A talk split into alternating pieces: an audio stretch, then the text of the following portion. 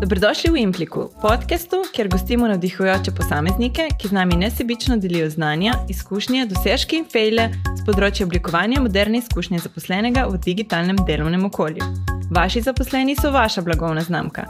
Kakšen brand želite imeti, pa je vaša odločitev. Dragi Impliko poslušalci in Impliko poslušalke, danes imamo eno super zanimivo temo. O digitalizaciji čivkajo že čisto vsi. O tem, kako pisati strategije na temo uh, digitalizacije, se veliko pogovarjamo, nekateri jih pišejo malo bolj, nekateri malo manj. Kako pa je v resnici znati prilagoditi, glede na delovno okolje in glede na projekte, ki so nujni v posameznih delovnih okoljih, in um, kako jo v bistvu implementirati v praksi, bom danes govorila s svojo gostjo. No, ta tema je tudi moja tema in zato se je zelo, zelo veselim, prav tako kot um, našo drago gostjo Anko Brus. Anka, dobrodošla v Impliku. Živijo. Kako si, Anka, uh, danes, evo, po velikonočnem ponedeljku, uh, si lepo praznovala, si se kaj spočila? Uh, ja, sem se spočila, imela sem tudi čas za skočiti na Šmarno goro. Wow. Uh, drugač, danes me je pa delo prepihalo, no, ker sem prišla sem. Da... Je že čisto, ni še poletje. ne, ne, ne še. Aprilsko, tipično. Z našo Anko, torej z našo predrago gostjo, danes um, uspešno poslovno sodelujeva. Um, predstavila bi, bi jo pa kar um, v bistvu kot zelo srčno osebo, um, kot poslovno žensko in ne na zadnje matematičarko in lasnico podjetja Agitavit Solutions. Um, Anka, a sploh vse te vloge in vsi te nazivi gredo lahko v eno osebo? Ja, očitno grejo. Uh, ja, se znajdem, pač iščem pa vse čas neko ravnovesje med posameznimi vlogami. So uspešne, nekako. Ne, ne zanemarim pa. Ne. Super. Um, Anka Brus je s tehnologijo neločljivo povezana v svojo kariero. Od leta 2015 je direktorica IT podjetja Agitavit Solutions. Danes uh, več kot 120 sodelavcev v podjetju pod Ankinim vodstvom strankam rešuje najrazličnejše poslovne izzive s pomočjo informacijske tehnologije. Sodelujejo z večjimi slovenskimi družbami, kot so Krka, Geni, A1, Kolektor, Pošta Slovenije in Banka, ter z venečimi imenami uh, iz svetovnega gospodarstva, med katerimi sta tudi Sandoz Group in Hilti Corporation. V zadnjih letih povečujejo rast, razvijajo in tržijo lastne produkte ter usmerjajo svoje raziskave tudi v razvoj novih področji. Anka, sliši se super slovenska in mednarodna zgodba. Um, kam ste na, zdaj najbolj fokusirani? Uh, ja, mi imamo nekako tri stebre. Uh, še vedno je naš največji, največji del našega portfelja predstavlja razvoj rešitev po meri. Uh, tem primeru se stranke k nam obrnejo, kadar ne najdejo neke že izdelane rešitve na trgu, se pravi, imajo nek specifičen poslovni problem, ki ga želijo potem uh, tudi podpreti z neko unikatno rešitvijo, in takrat uh, pridemo mi uh, do njih ali pa oni do nas. Uh, potem drugi stebr je naša rešitev EHRM. Uh, to je rešitev za podporo vsem kadrovskim procesom v podjetju, se pravi, združuje tako neko osnovno kadrovsko. Bazo, se pravi, podatkov zaposlenih, eh, kot podpira tudi vse procese, ki so povezani s kadri. Namenjena pa ne samo kadrovski službi, ampak tudi vodjem in pa vsem sodelavcem v podjetju. Eh, potem tretji stebr, s katerim se ukvarjamo, je pa digitalno delovno okolje. V okviru tega pa želimo našim strankam, naročnikom ponuditi uh, rešitve za učinkovito medsebojno delo, sodelovanje in pa komunikacijo. Super. In torej, ravno digitalna delovna okolja bo današnja osrednja tematika. Um, kje mogoče vidite, da je slovenski trg, slovenska podjetja, kje so danes um, na, to, rekel, na tem področju in kje so še priložnosti za rast? Uh, ja. v bistvu tako, no? Splošno bi rekla, da še zmeraj zelo nizko. Čeprav sta zadnji dve leti naredili kar en, en velik korak naprej. Uh, pač epidemija je marsikoga prisila v nakup in implementacijo določenih orodij. Uh, žal pa je večina ostala pri tem, da so pač podprli to najnujnejše. Ne? Se pravi, da mhm. so namestili Teams, Zoom, ki omogoča oddaljeno klicanje, kaj več pa večina podjetij ni prišla. Ne. Se pravi, uh, ta, vsa ta urodja, ki so jih zdaj pr prišla v podjetja, ne, omogočajo marsikaj drugega, še prej omogočajo sodelovanje, uh, deljenje skupnih virov, uh, skupno ustvarjanje na dokumentih, recimo, uh, in večina tega ni implementirala, ne, ker pač so bili prepuščeni sami sebi, naučili so se takrat, kako nekoga poklicati, ki dela od doma, več ali manj je pa to. to. Uh, Torej, lahko rečemo, da je tukaj še veliko prostora, že z obstoječimi orodji, v bistvu, ki smo jih v bistvu implementirali um, za rast. Ja, seveda. Super. Um, zdaj, um, okay, eno so mogoče ta res nujna komunikacijska orodja, ki smo jih pač ja, v trenutku pač mogli implementirati, da smo sploh lahko bili, um, bom rekla, da smo sploh vzpostavili komunikacijo, bili na vezi, um, začeli delovati tudi uh, nadaljavo. Um, kje vidiš pa mogoče vzrok, zakaj podjetja niso, niso šla naprej? Ja, predvsem v pomankanju znanja uh -huh. uh, in pa šparanju. Uh -huh. uh, sami pač nimajo znanja, oziroma so rekli, da to pa že naš IT. uh, ja, to smo naleteli marsikdaj, no, ko smo tudi svoje storitve skušali prodati. Uh -huh. Uh, sej to bojo pa že naši sami, ne, pa sej to ne more biti tako zakompliciran. Uh -huh. uh, ja, in v bistvu tukaj je treba kar si vzeti čas, ne, pogledati, kako. Podjetje deluje, kako posamezne skupine delujejo, katere procese bi bilo smiselno podpreti v teh okoljih, uh -huh. uh, in, in se pač angažirati in potem to podpreti. Ne? Ker tukaj ni ene rešitve za vse. Uh mhm. -huh. Uh, ker vidimo tudi pri pr strankah, dejansko se je treba usesti pač pa z marketingom, kako oni delajo, na kakšen način sodelujejo interno, s katerimi zunanjimi deležniki sodelujejo, in potem se tiste procese in interakcije podpre. Uh -huh. uh, potem neka služba za podporo, sigurno ima neke drugačne potrebe. Ne? So pa neke stvari, ki so pa mogoče relevantne za celotno podjetje, in potem ne vem, neke obvestila, novice in podobno. Ne? To se pa podpre potem na tak način. Uh, definitivno pa večina teh projektov nima neke take um, strateške to... vloge, bolj se sliši kot strošek. Ne? Se uh -huh. pravi, da nekaj je, kar bo strošek, ne pa, ki bo prinesel neko dodano vrednost, zaradi katere bodo sodelavci bolj produktivni, ki bodo bolj komunicirali, uh, ki bo v končni fazi tudi uh, podjetje imelo neko dodano vrednost zaradi uh mhm. -huh. tega. Ne? Kultura bo boljša, recimo, bolj bojo zauzeti in podobno. Ne? Okay, torej, lahko rečemo, da to ni IT projekt, ampak je projekt eh, večjih v bistvu, um, deležnikov v podjetju, oziroma večjih področji v podjetju, in bi se ga bilo treba v bistvu tudi na tak način lotiti. Ja, definitivno. Vzpostavitev digitalnega delovnega okolja jaz razumem kot vključitev pač vseh ključnih funkcij v podjetju, se pravi od vodstva, kadrovske službe, interne komunikacije, se pravi službe mm. za interno komunikacijo, potem poslovnih uporabnikov različnih oddelkov, IT, seveda, uh, in pa to vidim kot strateški projekt, ne? ker v vsakem drugem primeru bo to neka parcialna rešitev. Ne? Uh, je pa smiselno, da ne vem, neka digitalna digitalno delo, vzpostavitev digitalnega delovnega okolja zajema dejansko vse zaposlene uh -huh. uh, in preslej podpre pač vse funkcije tudi uh, v podjetju. Ne. Super. Ampak, okay, če smo rekli, nekje smo začeli, torej vsi imamo že nekaj vzpostavljeno, ali pa skoraj vsi, ne, že zaradi korone, če ne, um, če ne zaradi nekih drugih razlogov. Um, in če že imamo, recimo, imamo Teams, vsaj za začetek, imamo Zoom, kakorkoli neka komunikacijska orodja.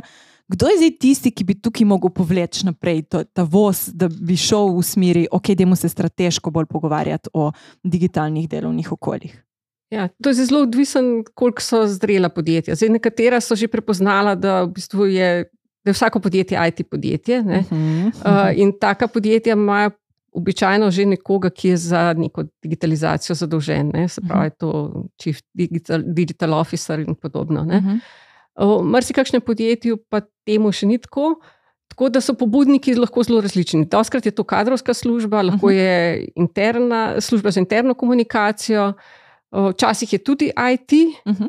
pa nič narobe, se, če vključi potem vse ostre, mhm. ostale deležnike. No. Um, to običajno no, pride. Torej, če te prav razumem, samo um, ne smemo priti do točke, ko rečemo, eh, se bojo to naši implementirali v IT-u, pa bomo pol ok. Ja, seveda. Ja. To je ponovadi. Če gre v to smer, ni ok, Ni takrat okej, treba ja, poklicati ja. na gitaro. No, to je ena od možnosti, definitivno. Um, ok, Anka. Torej, um, uh, tudi vi ste zelo zrasli, torej kot podjetje v tem času. Vem, da ste z vsakim letom večji, uh, bolj razvejani, imate več rešitev. Um, kako pa ste vi rasli, tudi iz vidika nekega digitalnega, uh, svojega internega okolja? Um, ja. Zdaj, naše digitalno okolje je kar pestro. Pač po eni strani uporabljamo ta urodja za komunikacijo in sodelovanje, potem imamo tudi projektno delo, se pravi, imamo tudi s- spremljanje tega projektnega dela prek uh, s pomočjo projektnega eh, strežnika. Uh, potem uporabljamo CRM in pa pač uh, interni eh, portal. Uh, pa znotraj tega še več stvari. Zdaj, kar se tiče naše rasti, v bistvu smo vse čas nekako tudi uh, digitalno podpirali to, kar počnemo. Ne? In Mhm. skupaj, mislim, tudi ko sta bila dva zaposlena, smo že imeli projektni strežnik, smo spremljali naloge. Uh, in potem vse čas smo se ozirali v to, kaj potrebujemo, glede na to, kako smo rastli. ne. Mhm. In ko smo prišli do neke točke, smo rekli, da zdaj Excel za planiranje resursov ni več za dosti dober. Ne. Včasih smo se pač, ne vem, tri projektni vodje dobili, pa smo v Excelu rekli, kje bo, kje bo kakšen razvijalec delal. ne. Uh, potem je pa enkrat prišlo do tega, da smo morali stvari malo bolj strukturirati in smo naredili potem na projektnem strežniku pregled, kjer imamo recimo potencijalne projekte, aktualne projekte in potem lahko spremljamo zasedenost posameznih kadrov in, ne, Mhm. in podobno. Zdaj, spomnim se ene prelomnice, ko smo prišli nekje do 50 zaposlenih, Mhm. uh, ko sem nekako prišla do spoznanja, da komunikacija tako čez mizo ni več dovolj ne? in da se je treba z njo načrtno ukvarjati. Uh, in Kaj se je pa zgodilo, prosti, ker te prekinjam, ampak me zanima, kje je bila zdaj ta točka, ko ste to ugotovili? Torej, da ta komunikacija, ki se je dogajala v pisarni, na sestankih, ni dovolj. Je bil kakšen konkreten, bom rekel, case, kjer ste prepoznali, da mogoče um, je treba malo bolj strukturirano tudi pogledati? Zdaj, ena povratna informacija, ki sem jo dobila, so sigurno te ankete o zadovoljstvu, uh Uh -huh. -huh. ki jih delamo vsako leto, pa anketa Zlata nit, Uh -huh. uh, kjer bi recimo so zaposleni rekli, da nimajo dovolj informacij, kaj se v podjetju dogaja, okay. uh, da ne poznajo strategije in vizije podjetja. In to je bilo za me tako malo ala- alarm. Ne? Sem rekla, kako ne vejo, vse. Vse skozi komuniciramo. Se skozi komuniciramo, pa sej, uh, recimo, vodje uh, vejo vse, zakaj tega na- naprej ne posredujejo. Ampak, pol sem, ko sem začela razmišljati, sem rekla, ja, sej, vse, ne, s tem se je treba načrtno ukvarjati. Se pravi, Mhm. vodje vejo, ampak če jih noben ne vpraša, ne povejo naprej. In, tako ne. in na podlagi tega smo potem naredili prenovo, ki pa ni bila samo uh, tehnološka. Ne. Uh -huh. Se pravi, smo šli v uvedbo uh, Microsoft 365. Uh -huh. Uh, ampak preden smo šli v, v to tehnološko implementacijo, smo dejansko popisali uh, vse vrste komunikacijskih uh, komunikacij, no, ki, ki uh -huh. v Mhm. podjetju obstajajo, se pravi, kdo je njihov lastnik, se pravi, kje nastanejo. Uh, in kater kanal je potem najbolj primeren za to vrsto komunikacije. Uh -huh. Uh, in šele potem smo rekli, aha, katero urodje bomo zdaj po, po, uh, in, in uh, ja, kanal uh, uporabili za to Mhm. vrsto komunikacije. In kar je zelo pomembno, uh, mi smo pustili, da pač še zmeraj vsak od teh lastnikov Uh -huh. uh, dejansko te informacije ustvari in jih tudi sam objavi. Ne. Se pravi, ne, ne, recimo, primer, Uh -huh. kadrovska da neko obvestilo o ne vem, obdopustih. Recimo, Mhm. uh, in pripravijo novico, in jo same objavijo na portalu. Jaz Mhm. naredim blog, napišem blog, ga sama objavim na portalu, ne rabim zdaj IT prositi, da mi to objavijo nekam. Ne. Uh, potem projektni vodje imajo, ne vem, zaključijo nek pomemben menik, pohvalijo ekipo, objavijo to na Jemer. Uh -huh. Skratka, vsak lahko sodeluje in, in svoje informacije posreduje, ne da bi nekoga čakal, zdaj, da bo to uh, uh Mhm. -huh. Nekdo. pa- Torej, vsak je lahko na nek način tudi ustvarjalec vsebine, eh, tisti, ki jo podeli. Um, in eh, to verjetno z nekimi različnimi, oziroma na neke različne kanale. Ja, ja. Ok, super. Torej, če sem prav razumela, uh, ste začeli z majhnimi koraki, mogoče najprej uh, v smislu, ok, imamo neko projektno um, orodje, bom rekla, ker ste pač projektno usmerjeno um, storitveno podjetje. Potem pa počasi um, ste začeli graditi in ste videli, ok, manjka komunikacija, moramo recimo tukaj nekaj narediti. So, bili, so, so bila še kakšni taki alarmantni preskoki um, na še kakšnih drugih področjih, ne samo recimo komunikacija, ko ste se zavedli, ok. Ne vem, mogoče kakšni procesi povezani z kadrovsko službo oziroma z samim razvojem zaposlenih. Ker ste rekli, ok, rabimo še kakšno dodatno um, aplikacijo za to, da jih bomo izvajali, oziroma kakšen dodaten proces. Ja, zdaj, glede na to, da mi uh, razvijamo produkt za podporo kadrovskih funkcij, smo vse čas ta produkt tudi sami uh, imeli implementiran uh, uh -huh. interno. Uh, so pa sigurno prišle tudi interne zahteve, kako bi kaj prilagodili, recimo sistem ocenjevanja in nagrajevanja, tipično imajo podjetja unikaten, tako da smo tudi uh, naredili prilagoditve za ta uh, sistem preseb. Uh, je pa to uporabno bilo tudi za kakšne druge stranke. Um, vem, mislim, da ta komunikacija no, se mi zdi bila tako ključna. No, uh mhm. -huh. da, uh, drugače pa so pol tudi te, ne, kje se shranjuje uh, pro, programska koda in tako naprej. Ampak to so te urodja in okolja, ki so potrebna za samo, sam razvoj. Uh -huh. uh, ampak niso taki big bangi. No. Uh -huh. okay, torej, uh, začnemo z majhnimi koraki tam, kjer v bistvu najbolj potrebujemo tudi neko digitalizacijo, in jo potem počasi širimo, um, glede na potrebe in tudi, seveda, glede na rast v vašem primeru um, podjetja. Uh, kje pa vidite mogoče še najbolj ali pa največ priložnosti na samem trgu, povezano z vašimi storitvami oziroma produkti? Um, mislim, priložnosti je ogromno. Ne? Veliko podjetij še vedno tako, je digitalnih na nivoju Excela. Uh -huh. uh, ali pa stvari med seboj niso povezane, ne? imajo zelo dobre rešitve samo na nekem področju, medtem ko med sabo niso povezane. Uh, potem so podjetja, uh, kjer recimo, je del zaposlenih izločen iz digitalnega okolja. Pravi, uh -huh. To so podjetja, ki imajo veliko nerežijskih delavcev. Uh, v teh primerih so v bistvu praktično odrezani od digitalnega okolja, ne, mhm. ker nimajo svojih računalnikov, nimajo svoje digitalne identitete in vsa komunikacija gre ali prek nekih oglasnih desk, fizičnih ali pa digitalnih, ali pa celo nekih internih glasil. Ampak marsikaj pa te zaposleni ne morejo narediti ravno zaradi tega, ker uh, nimajo svojega računalnika. Uh mhm. -huh in potem ne morejo ne vem, na elektronski način zaprositi za dopust ali pa za rezervirati službeno vozilo in podobno. Uh mhm. -huh.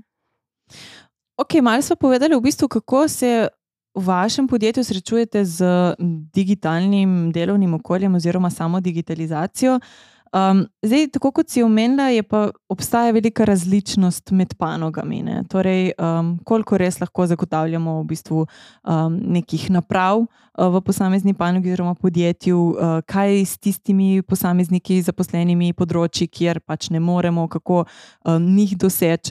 Um, torej, kaj opažate, recimo, kje so neke glavne, bom rekla, različnosti, ko pogledamo panoge, razen to, kar si uh, omenila. Sem drugače bi rekla, da kar se tega tiče, ni neke posebne razlike. Kar se uh mhm. -huh. panoge tiče, bolj je pač zrelost posameznega podjetja, ne, kar se tiče in digitalnih kompetenc in, in zavedanja, koliko je digitalizacija pomembna za posel. Um, Vse po zadnjih letih se mi zdi, veliko naredil. No? Veliko je bilo, po, po recimo, v unih letih krize, ko so se uh mhm. -huh. za nekaj let vse investicije ustavile. Se mi zdi tako, no, da zadnja leta je pospešeno se dela na digitalizaciji. Prav na vseh področjih, ne samo ta digitalno delovno okolje za sodelovanje in komunikacijo, uh mhm. -huh. ampak tudi na teh uh, rešitvah za podporo osnovnem, osnovnemu poslu. No. Uh mhm. -huh. Okay, kaj pa v bistvu, oziroma kakšna je razlika med digitalizacijo, ko govorimo o širšem pomenu besede, in kaj je res tisto digitalno delovno okolje? Kaj vi kot agitavite ali pa ti kot Anka v bistvu razumeš kot digitalno delovno okolje? Ja. Uh, zdaj, digitalno delovno okolje načeloma je v splošnem res skupek vseh in digitalnih naprav, uh, informacijskih sistemov, platform, aplikacij končni fazi tudi znanj digitalnih, uh -huh. uh, ki omogočajo, da nekdo v podjetju dela to, kar počne. Uh -huh. uh, se pravi, po eni strani, da lahko deluje kot zaposleni. Uh, pravi, tisto, kar komunicira s podjetjem, uh, ne vem, zaprosi za dopust, za rezervira službeno vozilo, in podobno. Po drugi strani pa da upravlja delo, za katerega je zaposlen, uh -huh. ali to nudi neko storitev, ki jo podjetje nudi na trgu, ali pa uh, sodeluje pri ustvarjanju izdelka, ki ga podjetje proizvaja. Uh, in vse to štejem jaz kot neko delovno okolje. Zdaj, uh, smiselno je, ne, pač ne samo, da digitalno delovno okolje obstaja, uh mhm. -huh. ampak tudi, da služi poslu. Uh -huh. Se mhm. pravi, da pravo digitalno okolje je tisto, ki podjetju prinaša dodano vrednost. Se pravi, da so zaradi tega, ker je to digitalno delovno okolje vzpostavljeno, uh, uh, ljudje delajo bolj, so bolj produktivni, uh, bolj motivirani za delo. Uh, tudi verjamejo, da ima njihov, njihovo delo smisel, da lahko tudi vplivajo na to, kakšen bo rezultat, kako uh -huh. bo mhm. stranka zadovoljna, in potem, jasno, tudi bolj postrežejo stranke, uh -huh. uh, in potem, jasno, Tukaj se, se posel vrti bolj uh -huh. zaradi tega. Uh, tukaj je smisel vse digitalizacije. Zdaj, digitalizacija na splošno lahko še uh, tudi prinaša nove oblike in načine dela, uh -huh. ne, uh, in pa tudi podpira nove poslovne modele. Uh -huh. Tako da, v bistvu, šele z digitalizacijo so določene stvari možne, ki prej mogoče niso bile. Uh -huh. okay, omenila si, v bistvu, ulovila sem. Uh, Tale, tole povezavo med customer experience in employee experience, mislim, da si jo zelo lepo zapakirala v to delovno okolje. Uh, o tem sem govorila že v mislim, da drugi epizodi z Maticom. Uh, pa bi tudi tebe mogoče tukaj malo izvala, da, da poveš, kako to vidiš, uh, kako se prepleta, pa v bistvu, kje je največja dodana vrednost, če jo znamo in začnemo uh, prepletati. Ja, zdaj, kje začnem? Uh, employee experience, se pravi, jaz si predstavljam to izkušnjo zaposlenega kot pač izkušnjo z vsem, kar v delovnem okolju doživlja. Uh mhm. -huh. Se pravi, ni samo digitalna, ampak je kakorkoli. Se pravi, vse, kar moraš kot zaposleni opraviti, se pravi, uh mhm. -huh. svoje delo, kako ga enostavno opraviš. Uh, in če imaš tukaj pač. Okrog sebe, urodja uh mhm. -huh. in ljudi, v končni fazi, in procese, uh -huh. uh, ki ti omogočajo, da čim več časa lahko posvetiš temu, za kar si v bistvu zaposlen. Kjer, pravi, kjer, kjer, kjer, kjer je tvoja največja dodana mm. vrednost, da se pač ne ukvarjaš z neko birokracijo, zato ker te tam pošiljajo iz enega oddelka v drugega, ampak to lahko, lahko narediš vem, popovdne na klik, pa dobiš potem odgovor. Mm -hmm. uh, potem boš gotovo boš veliko bolj zadovoljen ne, na svojem delovnem mestu uh, in boš tudi več prispeval. Mm -hmm. Uh, in ja, ne boš slabe volje, zato ker se te tam kadrovska pošilja, iz, uh, ker boš še nek obrazec izpolnjen, in potem boš sigurno boljš servisiral stranko. Ne, uh -huh. ne vem, jo boš čez pet minut imel na telefonu. Um, tukaj vidim povezavo. No. Uh -huh. uh, Doskrat. Uh, Včasih podjetja poskrbijo za en del, pa, pa ne za drugi. No. Pa je veliko povezano. Sploh v, v storitvah, jaz si ne, ne predstavljam, da bi nezadovoljni zaposleni dobro lahko postregli stranko. No, Nekje se vidi, da nekaj ni ok. Ne? Ja, ja. Zelo hitro to ja, začutimo ja. kot stranke. Ja. Da, um, ja, res je, in mislim, da si lepo povezala, oziroma da si pokazala to um, povezavo ali prepletanje v bistvu ene izkušnje z drugo. In, um, bom rekel, konec koncev vse skupaj um, zapakiralo v ta biznis value, ki, ki ga vsi iščemo. Ja. Um, tako da, ja. Um, izpeljava projektov, oziroma v digitalizaciji, ne? oziroma uh, izpeljava ali pa bom rekla. Um, implementacija um, projektov. Kaj nam gre na robe, ko v bistvu ne znamo, se nekje ustavimo, aplikacija čisto ni taka, kot smo si zamislili. Um, ne vem, včasih. Um, Moramo na koncu, že predtem smo pred produkcijo, narediti kakšne korake nazaj, pa pogledati, v bistvu, ali smo res čisto vse zapisali v specifikacijo. Uh, skratka, kaj, kako vi vidite, kot v bistvu implementatorji nekih rešitev, produktov, um, katere so, bom rekel, ali pa kdaj in zakaj, oziroma katere so stvari, ko, jih, ko, ko nam gre dobro, oziroma naredimo samo implementacijo zlahka, ali pa kdaj so tisti fejli, oziroma zakaj nastanejo. Ja. Zdaj, ena stvar, ki se mi zdi, da doskrat zmanjka na začetku, je, da si podjetje ali pa naročnik odgovori na vprašanje, zakaj se nečesa lotevamo. Uh Mhm. -huh. ne? Se pravi, tak razlog, zato ker se drugi ni dovolj dober. ne. Ker, Tega uh, noče, nočete slišati. ne, ker recimo tudi, če dve podjetji implementirata kadrovski informacijski sistem, ni nujno, da imata isti UI. ne. Uh, lahko- In se je treba vprašati, kaj želimo s tem doseči. ne. Se pravi, kdo bo ključni uporabnik in, in kaj bomo s tem pridobili. ne. Uh -huh. Uh, ali bomo ne vem, avtomatizirali določene postopke, ali hočemo zmanjšati napake, ali hočemo, da bodo več sodelavcev vključeni v neke procese. Um, zakaj je to pomembno? Predvsem zato, ker potem vpliva tudi na to, kako bo stvar narejena, Mhm. oziroma katerega, katero rešitev ali pa ponudnika bomo izbrali za, za samo implementacijo. Ne. Um, kje bomo fokus dali? Tudi vedno je, imamo omejitve na projektu, časovne, eh, budžet in podobno. Ne? In če se to na začetku razčistimo, potem bomo lažje rekli, da to gre not, to gre ven. Uh -huh. Mhm.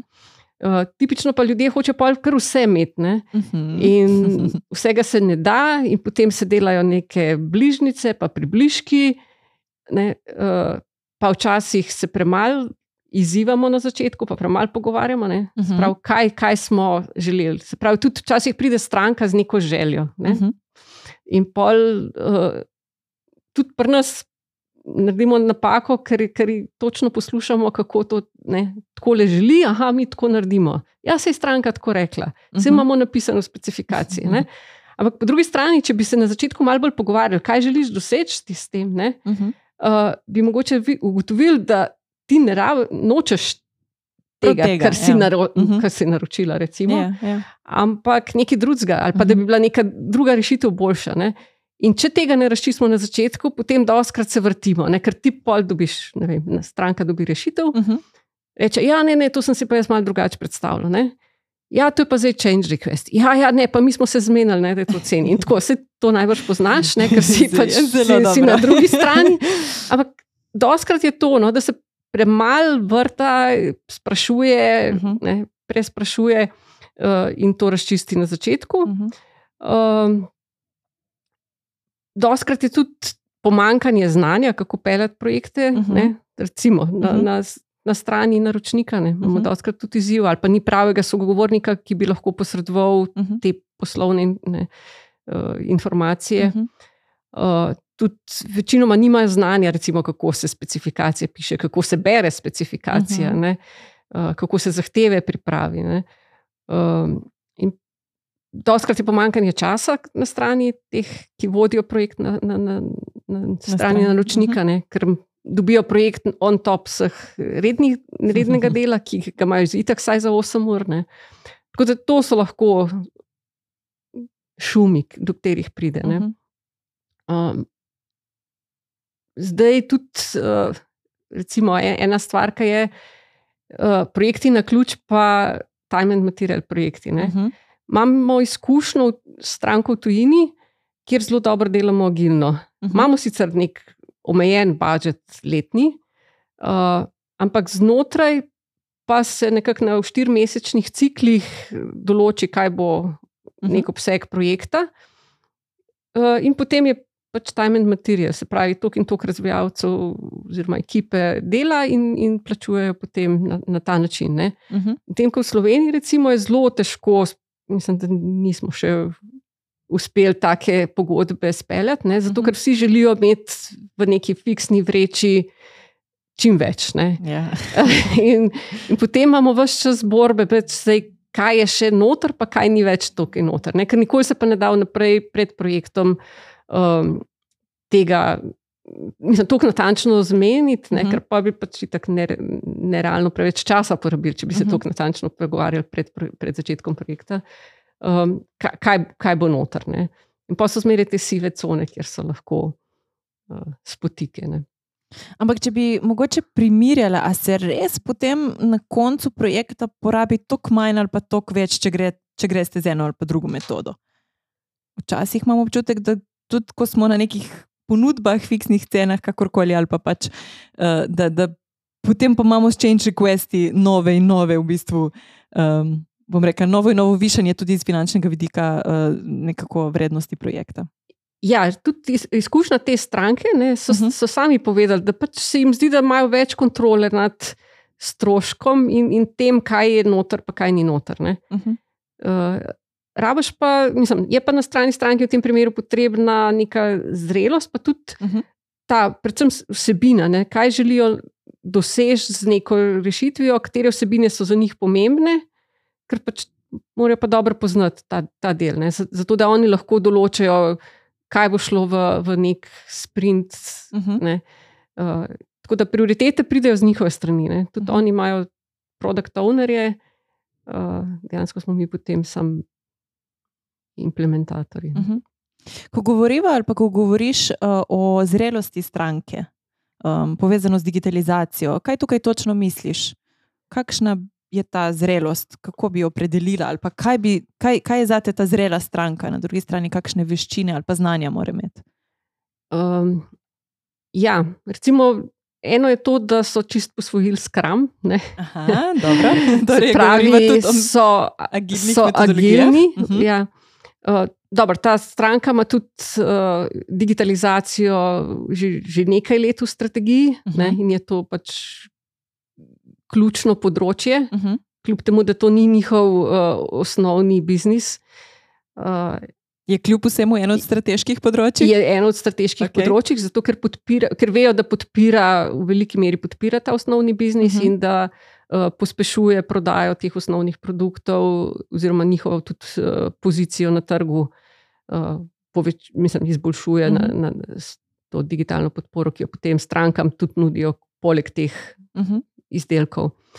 Um, to mislim, potem, da so ljud, njihovi zaposleni usposobljeni voditi projekte, uh, specificirati zahteve, uh, ta del. Ne, uh mhm. -huh.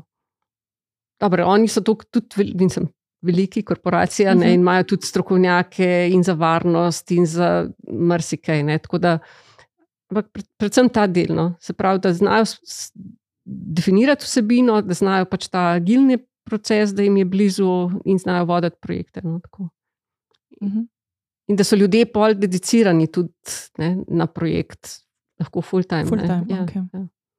Ja, zdaj, če tukaj uh, v bistvu dam mogoče neko svojo izkušnjo, ki je jaz, uh, oziroma o čemer jaz največ razmišljam, je kako v bistvu to digitalizacijo povezati s nekim poslovnim vidikom, to, kar smo omenjali. Ne? Torej, kje najti in kako najti in kako izračunati, recimo, neke številke povezane in kako, kaj se bo zboljšalo, na katerih področjih, ko bomo nekaj digitalizirali, ko bomo spremenili nek proces. Ne?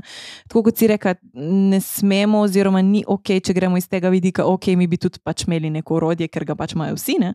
ampak moramo razmišljati o tem, kaj nam bo to orodje prineslo, izboljšalo, um, mogoče nam dvignilo neke številke, kjerkoli že. Ne? Uh, in, um, in tukaj se mi zdi, da še čisto mogoče, ko govorimo o zrelosti, mislim, da nismo dovolj zreli. Um, in da je tudi to mogoče res uh, eden od mogoče ključnih elementov dviga tudi neke te digitalne kulture ali pa zavedanja um, o, o same digitalizaciji v podjetju in razmišljanja na tak način. Kaj meniš? Um, ja, večinoma nima zastavljenih tako nekih KPI-jev, ki bi recimo rekla, da s, s tem uh mhm. -huh. projektom pa pričakujemo, da bomo vem, te pa te kazalce izboljšali. Uh -huh. Zdaj, mogoče kakšni interno imajo, pa da jih sam komu ne komunicirajo uh -huh. z, z nami. Ne. Recimo, prej sem omenila ta našo izkušnjo z mhm. našim uh -huh. uh, intranetom. Ne. Uh, lahko rekla sem, da smo mi potem spremljali to uh, anketo uh, uh o zadovoljstvu, in potem so ravno ti kazalci v naslednjih letih šli precej gor, ko smo implementirali ta novi portal in pač no, nove komunikacijske kanale. Uh, tako da v bistvu je bila opazna razlika, kar pomeni, da smo bili na pravi poti. Uh -huh. uh, koliko pa zdaj to podjetja delajo, tudi druge, pa ne vem, ampak mislim, da ne, ne preveč. Ne. Uh -huh. uh, Torej, tukaj recimo tudi mogoče uh, dvigovanje takih veščin. Uh, Se pravi, znanje, ne? kako sploh postaviti mm -hmm. KPI, ki bi uspešno digitalizacijo merili. Ja. Ja. Zgraditi nek biznis case, bi lahko rekla, ne, glede na področje. Ja, ja. Um, super, ja. mislim, da tukaj imamo še. En manjko, oziroma tako, no, da je tukaj še veliko prostora, da pač v podjetjih začnemo na tak način razmišljati, in potem se mi zdi, da bo marsikateri projekt mogoče ja. tudi lahko pozicioniraš malo drugače, iz vidika stroškov in iz vidika kadra, ki je prisoten na projektu, časa, ki ga pravimo, in tako dalje. Ne? Ja, zdaj, doskrat, kot si rekla, mor, morajo te pobudniki znotraj podjetij uh mhm. -huh. upravičiti projekt. Uh mhm. -huh. Sami so prepričani, da, da je nujno potreben, da bo prinesel dodano vrednost, ampak ga ne znajo interno prodati. Uh -huh.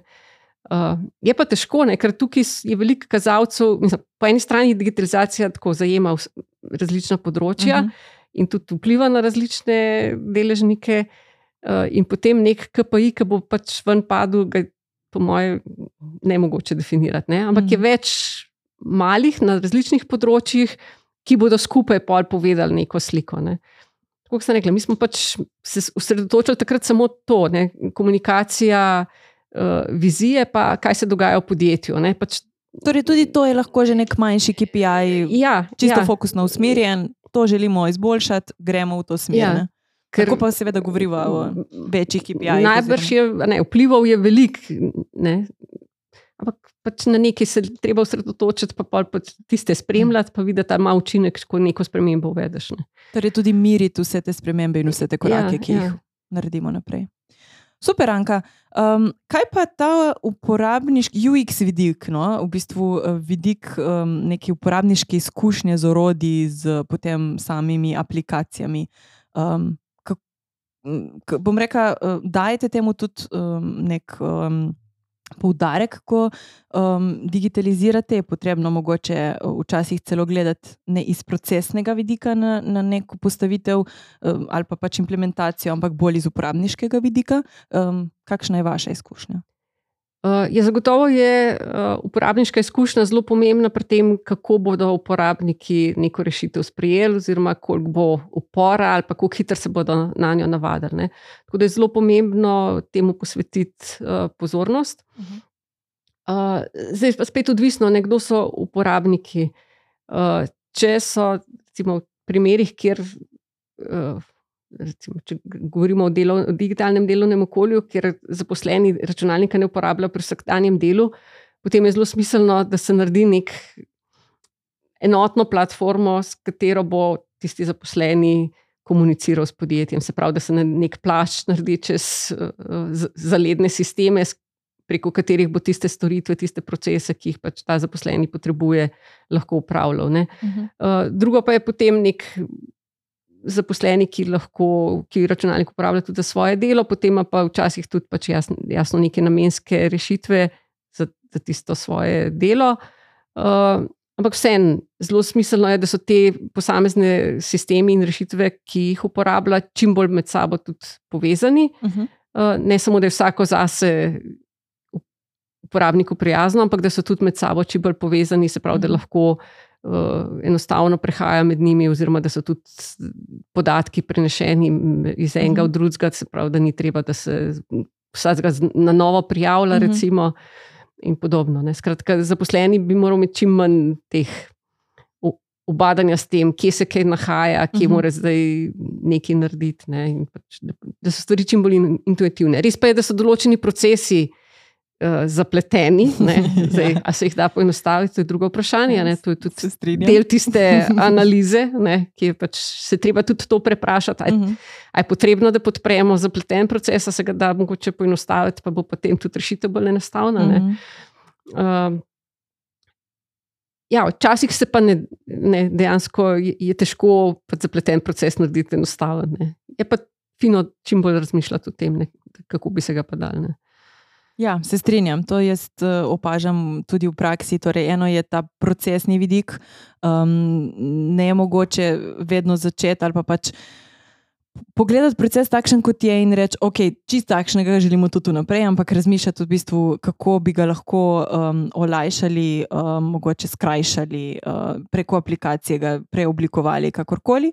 Um, po drugi strani pa tudi, če je zapleten, se postaviti večkrat v vlogo res tistega uporabnika in razmišljati, kaj bo pa on takrat razmišljal, ko bo to kliknil. Ne? In tukaj mislim, da je tudi še en del, ko. Opažam, no, da v praksi imamo še veliko rezerve, um, ker včasih um, ne znamo se postaviti v tisto vlogo in razmišljamo mogoče bolj iz svojega nekega procesnega vidika. Um, in, um, in ja, in včasih je ta intuitiven del, kot si rekla, ne, um, kako posame, da posameznik že ve ali pa ga aplikacija v bistvu sama vodi po nekih korakih. Um, tisti, bom rekel, zmagovalni del, da tudi potem je implementacija uspešna, da se aplikacija uporablja um, ne, in da ni treba v bistvu, in da ni slaba volja na mhm. začetku pri sami implementaciji. Tako da ja, veliko razmišljati v bistvu o tem, kdo je na drugi strani, kako bo uporabljal, kako razmišlja, ne, uh, mogoče kaj že zdaj navajajo uporabljati. Pa ne samo to, kar si rekla, ne zamišljati si, kako uh mhm. -huh. biti v njegovi vlogi, ampak dejansko vprašati. Ne. Točno to je. Uh, v bistvu čim prej neko rešitev, MVP, pokazati tistemu bodočemu uporabniku in pridobiti povratno informacijo, ne, in, in na podlagi tega izboljšati. V začetni fazi je to veliko lažje delati, kot potem na koncu. Ne. In tudi ta agilnost uh, bi bilo fajn čim bolj uporabljati ne, mm. in dejansko priti čim prej do, do končnih uporabnikov. Torej, spet smo pri tem širokem ali pa kakovostnem discovery delu od čistega začetka, ne, čim bolj razumeti. Um, ja, po drugi strani pa v bistvu, um, mogoče sem tudi opazila, včasih tudi kaj že narisati v tej začetni fazi. Ne, torej, pokazati posamezniku, ok, tako bo to izgledalo. In um, predvsem tisti, ki morajo imeti včasih sliko, ne, um, jim je potem fulaže tudi razmišljati o samem procesu. Tako da mislim, da tudi to je moja recimo, osebna izkušnja iz prakse, da ko narišemo, um, je potem um, lažje si predstavljati. Ja, čeprav, če je, če je nekaj zapleteno, ne, uh mhm. -huh. je treba že klikati, ne, ker je slika še premalo. Vem, da smo mi tudi potem. ja, mi smo tudi uh, risali. Uh -huh. uh, ampak, ko je bila implementirana funkcionalnost, pa je bilo, da to tako bo. Uh, tako da, ja, ta zmožnost abstrakcije je tudi mm lahko zelo različna. Ne, Ampak, ja, ne smemo predpostaviti, da, da, da vemo, kaj nekdo uh, ve, ja, oziroma kako razmišlja in kako, bo, kako bo šel skozi. Mm -hmm. Torej, veliko, veliko spraševanja, če ja, na začetku. Ja. Okay, kaj pa mogoče varnostni vidik, um, bom rekla, same digitalizacije, oziroma ali samega procesa postavitve nekega, neke platforme za digitalno delovno okolje? Um, kdaj o tem razmišljati? Uh, ja, jaz sicer nisem strokovnjak za varnost, no, vem uh -huh. pa, mhm. da je nekaj, kar je, kar je zelo pomembno in je treba uh mhm. -huh. že na začetku razmišljati. Uh -huh. Uh, zdaj, neki so zakonske, zakonska določila, spravi varstvo osebnih podatkov, kaj se mora spremljati, kje se podatki hranijo, kje mora biti kriptirano, in to, to je pač nekaj, brez česar ne gre. Uh -huh. uh, drugače pa je potrebno že na začetku, ko se zbirajo zahteve. Uh, se opredeliti glede varnosti. Ne? Se pravi, vedno iščemo neko ravnovesje med tem, koliko investirati v varnost, da je še smiselno. Uh -huh. Ker uh, jasno, lahko ti neskončno investiraš in potem imaš tudi neskončno varen sistem, ampak vprašanje je, če, če je za tvoj, tvojo potrebo to smotrno. Uh, pa tukaj bi spet omenila tudi uh, uporabniško izkušnjo. Ne? Super, jaz sem ravno tako izvad. A ste imeli že kakšen tak primer, ko Ker, zaradi uh, mogoče neke um, pretirane varnosti potem pade uh, uporabniška izkušnja in spet imamo neko nezadovoljstvo? Uh, mislim, da če zamišljam. Spomnim se enega iz fizičnega sveta, je ne, iz, mislim, dobro, ena čistaka je to prijavljanje v sistem. Uh -huh. Se mhm. pravi, ti si en zaposleni v podjetju in če pač delaš z različnimi aplikacijami in se moraš vsakeč ponovno prijavljati, je to nekaj. Si že živčen na začetku. Ja, ne spomnim sem se na en primer, ko sem bila v, v fizičnem svetu. V svoji banki sem odpirala račune za svoja sinova. Uh -huh. uh, in sem se v pol ure pri istem referentu mogla dvakrat identificirati z osebno izkaznico. Uh mhm. -huh. recimo, in kako si se počutila kot ja, stranka? tako malo butasto. ampak verjamem, da je referent sledil politiki, ki je uh -huh. predpisana in protokolom. Uh, skratka, tudi informacijski sistemi so lahko grejo čez revizijo, uh -huh. ampak so za uporabnika nesmiselni. Ne?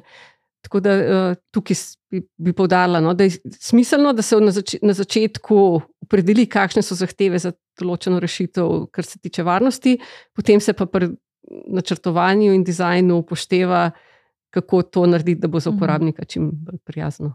Torej, razmišljati od začetka tudi o tem vidiku, oziroma zelo veliko tudi o tem vidiku, karkoli vzpostavljamo, um, in vendar iskati tudi tiste, bom rekel, um, tisto srednjo pot, ko bo uporabnik um, še zadovoljen uh, s tem, um, koliko v bistvu, um, kakšna bo njegova uporabniška izkušnja z ja. samo aplikacijo ali pa procesom. Ne?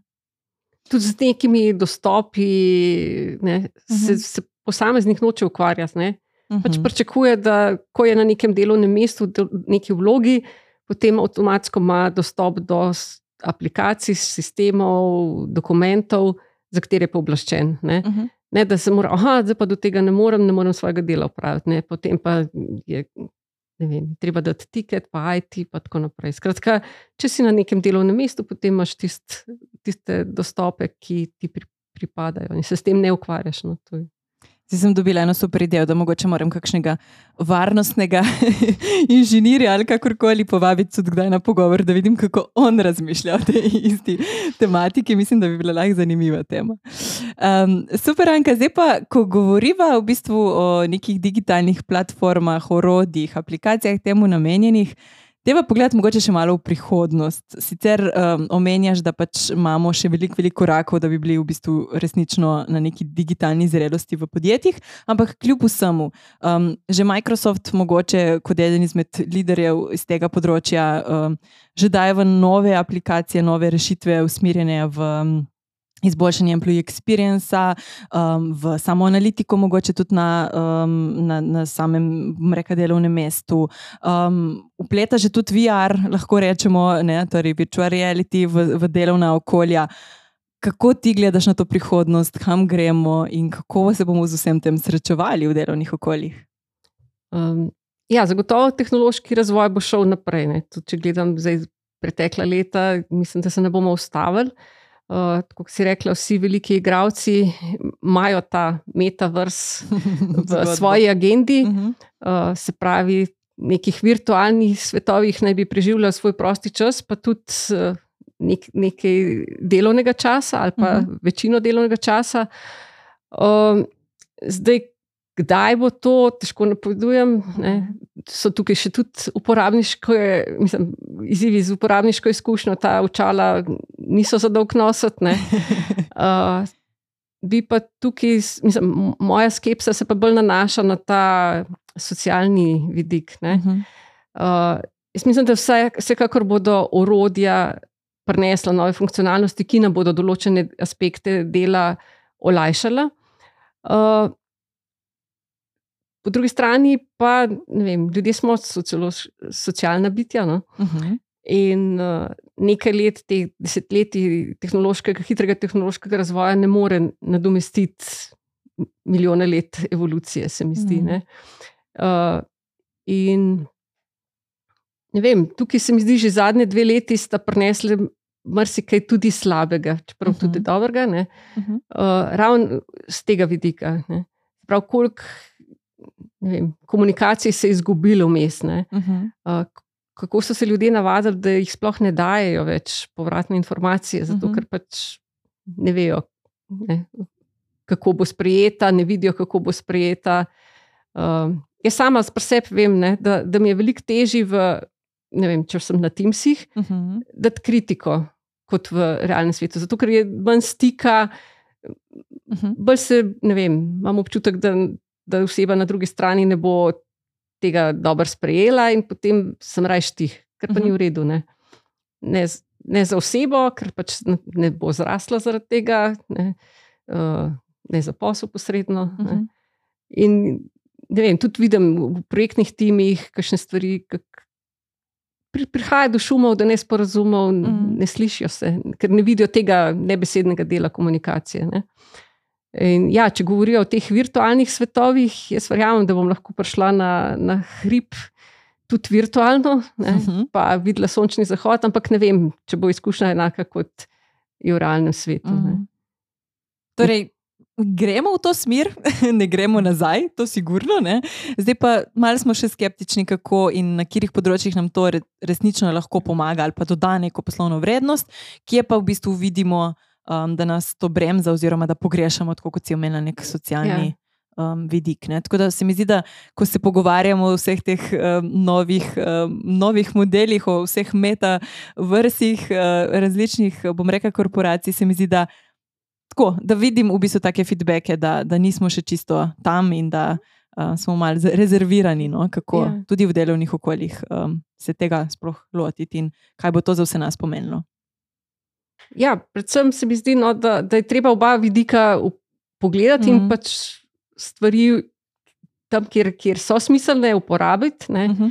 ne pa vse poprek, ne, pa potem se na koncu uh, sprašovati, kakšne so pa zdaj posledice, kako bomo nazaj prišli. Mm -hmm. Kot recimo vem, pri teh. Uh, Uh, socialnih omrežjih, pa to, ne, šele zdaj, ko se pojavljajo zasvojenosti, uh, se ukvarjamo s tem, mm -hmm. nismo se prej. Da, ja. Tukaj bi se pa lahko recimo, usporedno začeli. Ja. ja, korona nas je mogoče malo vrglo v vodo, pač takrat smo mogli plavati in smo se mogli znajti. In takrat v tistem prvem šoku se mi zdi, da nismo razmišljali o posledicah, kaj bo, kako bo, kako bomo potem. Um, všeč in fajn se mi, so se mi zdela pač različna podjetja, ko so pa potem zelo hitro tudi o tem vidiku začela razmišljati. Um, in mogoče temu bolj soft delu posvetila kar veliko tudi mogoče alt treningov oziroma nekih, nekega dviga tudi takih veščin. Um, torej, da ja, kot si omenila, v bistvu na virtualnem sestanku se drugače mogoče obnašamo, komuniciramo, ne moramo kakšno stvar um, tudi malo bolj, ni tisto ne, komunikacija čez mizo, ampak moramo um, strukturirano razmišljati, ok, zdaj pa moram nekoga poklicati, pa da mu še to in to sporočim. Ne? Mhm. In um, tudi ta vidik, mogoče neke zrelosti v, v teh digitalnih kulturah, um, ga moramo se lotiti malo bolj v bistvu uh, zavedno. No? Uh, ja, definitivno način dela je drugačen mm. in mhm. bo drugačen. Uh, je pa treba res te, vse aspekte naslavljati. Mm. Ja, mhm. Super. No, in zdaj, um, če smo v vseh teh as, aspektih, v celotnih spremembah, ki se nam dogajajo, in z digitalizacijo, in z digitalnimi delovnimi okolji, in z tem, da v bistvu um, imamo vedno več različnih aplikacij, da vedno več procesov spremenjamo vsakodnevno, ker bi pač radi bili boljši. Skratka, velike, velike spremembe. In mislim, da se uh, iz prakse um, sodeč veliko pri sami digitalizaciji ukvarjamo s change managementom. Um, kako v bistvu vi uvajate spremembe uh, v, v podjetje, s čim si pomagate, imate kakšne tehnike, kakšne orodja, um, kjer mogoče si um, ta proces spremembe v bistvu um, olajšate, oziroma um, iz, bom rekel, približate sodelavcem, da lažje grejo čez spremembo ali pa jo sprejmejo. Ja, se, kako v Agitavitu to počnemo? Uh, Uh, definitivno se stvari lotimo tako, da že na začetku razmislimo, se pravi na začetku nekega projekta, ki bo prinesel neko spremembo. Uh, naredimo tudi načrt, kako bomo to pospremili komunikacijsko in kako bomo uvedli. Uh -huh. uh, se pravi, že ko štartamo projekt, ga komuniciramo s sodelavci, se pravi, kaj bo prinesel, kaj bo za njih drugače. Uh, in potem jih tudi obveščamo, kako poteka projekt. Uh, večino projektov, ki se tičejo sodelavcev, tudi vključimo fokusne skupine iz različnih vlog, se pravi, da lahko uh mhm, -huh, prispevajo. Vem, recimo, zdaj delamo prenovo sistema nagrajevanja, pa tudi eh, vzpostavljamo malo spremenjen proces izobraževanja, in v obeh projektih sodelujejo uh, pač že v projektni skupini različni uh, profili ljudi, potem imamo pa še za posamezne uh, vloge fokusne skupine, kjer potem lahko podajo input, pač kar se njihovih želja in potreb zahtev tiče, pa uh mhm. -huh. tudi potem na predlog rešitve, recimo, ko bo pripravljen. Ne. Uh, potem pa tiste ključne, ki jih to zadeva, pripravimo, ne vem, malo delavnico, izobraževanje, uh, ustrezne dokumente, pripravimo, ne vem, če treba pravilnike. Uh, in potem, tudi ko stvar že teče, zbiramo povratne informacije, da lahko proces vnaprej tudi izboljšujemo. Se mhm. pravi, tudi te procesi, kadrovski ali pa vem, interni, so, tukaj želimo biti agilni. Se pravi, uh mhm. -huh. da ni nekaj zapečeno, ko spravimo produkcijo, ne, tudi sistem nagrajevanja ne, se spremenja, pride nek drug tip projekta, eh, neka ekipa potrebuje eno prilagoditev. Uh, pa poslušamo, pa vidimo, kaj se da narediti. Tako da mhm. tudi tukaj delamo spremembe in prilagajamo. Torej, eh, ni samo tisto, da okay, uvedemo neko aplikacijo ali pa pač spremenimo proces, ampak vsemu temu, kar si omenila, rabimo razmišljati, oziroma se vseh teh vidikov, bom rekel, na nek strukturiran način lotiti ob ja, ja. Uh, sami digitalizaciji. Super, ok. In ali imaš mogoče na to temo, glede na to, da počasi zaključujemo in mi vedno zaključujemo z nekimi dobrimi praksami, oziroma neki faili iz prakse, s katerih smo se vsi mi najprej naučili, pa se mogoče lahko še kdo od poslušalcev. Um, katero v bistvu dobro prakso bi delila in kateri je bil tvoj, vaš ali pa kakšen fail od vaših strank, kjer pa recimo, da si ga ne želite ponoviti? Ja. Zdaj, kar se tiče dobre prakse, mogoče ravno na to temo, ne, kako smo izpeljali neko spremembo. Uh, zdaj, dve leti leto nazaj smo uvedli uh, interni sistem uh, mentorstva, Agitavit Up. Uh, in v bistvu na kakšen način smo se ga lotili, mogoče to delim. Uh, zdaj, v projektni ekipi smo bili, uh, sprav, kadrovska, uh, interni PR, en vodja programa, pa jaz, uh -huh. sprav, da smo pokrili različne aspekte. Uh, in najprej smo se vprašali, kaj želimo s tem projektom doseči. Ne? In uh, nekako smo se strinjali, da želimo podpreti sodelavce pri kariernem razvoju. Uh, zdaj, uh, znotraj projekta smo vzpostavili proces, se pravi, kako bo tekel ta mentorski proces. Uh, potem smo naredili komunikacijski načrt, se pravi, uh mhm. -huh. ta spremljevalni del, uh mhm. -huh. kako bomo komunicirali sam potek projekta, in potem tudi, ko bo projekt uh, že implementiran. Uh, Na internem portalu smo sodelavce potem obveščali o poteku projekta uh, in tudi posredovali in, uh, povabilo uh, tem potencijalnim mentorjem, ki bi mhm. se vključili v prvo sezono. No, ko smo te mentorje dobili, uh, smo pa izvedli delavnice, kjer smo jih seznanili, kako bi proces potekal. Hkrati že na delavnici pridobivali tudi povratno informacijo in že sproti izboljšali uh -huh. ta proces. Eh, potem smo jih uh, usposobili s komunikacijskimi in coaching veščinami, uh, in pa uh, pokazali tudi, kakšna bo digitalna podpora. Zdaj, digitalno smo pa podprli na dva načina. Eno smo vzpostavili interni uh, portal mentorjev na internet portalu, kjer vsak sodelavec lahko vidi. Um, Kdo so mentori in pač kakšne veščine in znanja lahko ponudijo uh -huh. mentorirancem. Po drugi strani smo pa v našem EHRM-ju podprli sam mentorski proces. Se pravi, nek mentorski par lahko cel proces in sodelovanje spremlja skozi nek vprašalnik, se pravi, si zastavi cilje in potem tudi spremlja, mhm. kako uh, sledijo tem cilju. Uh, zdaj, glede na to, da smo ta prvi krok mentorskih parov spostavili v času korone, nam je bilo zelo pomembno, da potem tudi sodelavcem delimo, kako ti mentorski pari delujejo. Uh, tako da smo se takrat odločili, da preko kratkih video predstavitev predstavimo mentorske pare, na kakšnem izzivu Super. so delali. Uh -huh. Uh, in to so bile tako najbolj gledane, ne, po, po analitiki, najbolj gledane uh, objave na našem uh -huh. intranetu. Uh -huh. uh, no, in potem po prvi sezoni smo naredili retrospektivo z mentori in mentoriranci, pobrali uh, feedback, kaj bi lahko izboljšali. Uh, in potem zdaj začrtali drugo sezono, se pravi, še novo skupino mentorjev smo usposobili in tudi to, kar smo dobili iz retrospektive, uh, potem uvedli naprej. Tako da mislim, da je nekaj, kar, kar se je prijel, uh mhm. -huh. ravno zaradi tega, ker je bilo ustrezno uh, skomunicirano. Ne? Ljudje vidijo, sodelavci vidijo prednost v tem, uh, da se vključijo. Uh, In tudi novi mentori so zainteresirani, da se vključijo, se pravi, da tudi predajo mhm. svoje znanje, ker tukaj je tako oboje stransko, ne, se pravi, tudi mentori dobimo marsikaj ja. iz, iz tega procesa. Ja, da, v, v tem procesu. Um, to se mi zdi tako, no, res -huh. uh, projekt, ki smo ga speljali tako, kot mislim, da bi se morali peljati. Top, ja. uh, zdaj, mogoče kot slaba praksa, sem že prej malo menila tudi uh, intranet, sam, sami smo pač enkrat prej uh, prenavljali na, na tehnološki način. Uh -huh. uh, In ni bilo dobro, pač, predvsem ta del ne, uh, novic in to pač ni živel. Ker, okay. Torej, že imeli ste en internet portal in šli ste ga pač v bistvu prenavljati. Um, vzrok je bil?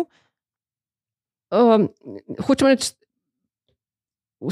imeli smo nek SharePoint portal Aha. in smo šli potem na novejšo verzijo, ampak prav, nismo nič pridobili, bila je tehnološka Aha, okay. prenova. Uh mhm. -huh. Uh, in takrat uh,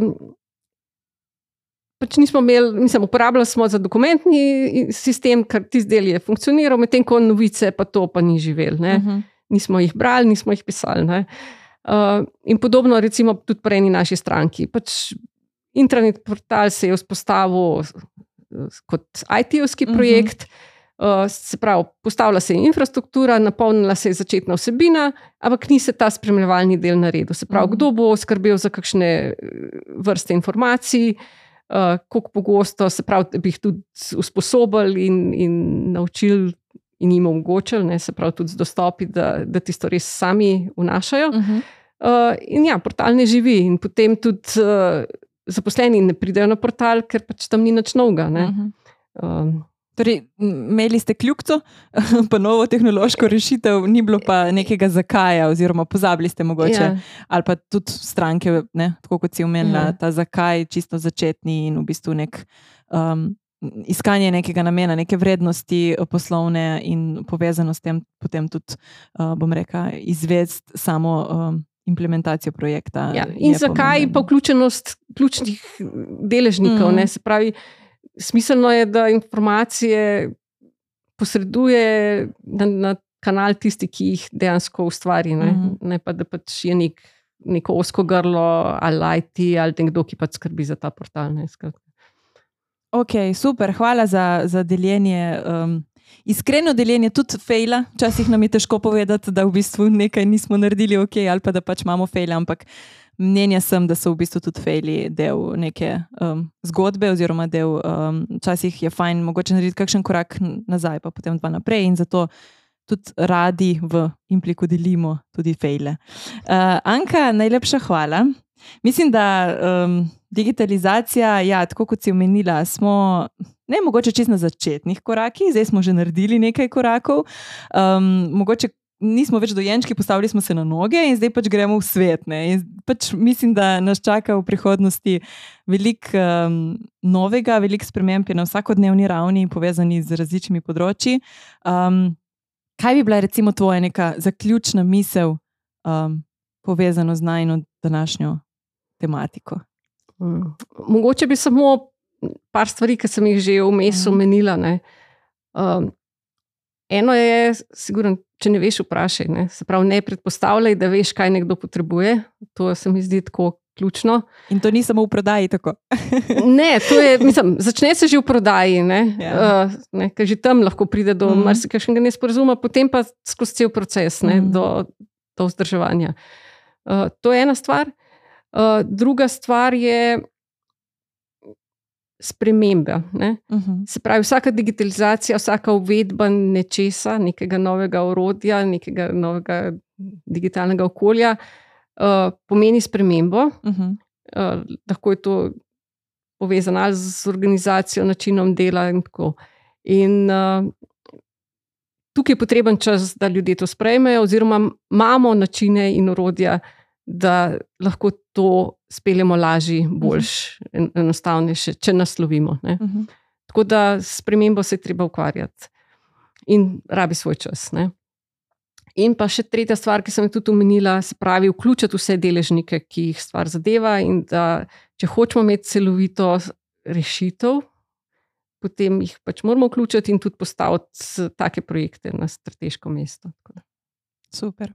Najlepša hvala. Jaz mislim, da si lepo um, zajela te tri take-awaye, ki mislim, da jih velja si zapomniti in tudi začeti malo počasi implementirati vsak dan v naša digitalna delovna okolja, da bi bili projekti digitalizacije čim bolj uspešni. In to želim vam uh, in uh, tudi vsem nam v podjetjih, uh, ker mislim, da so to pravi koraki tudi za potem dvig neke poslovne vrednosti in seveda dobrih rezultatov na drugi strani. Tako da, Anka, najlepša hvala.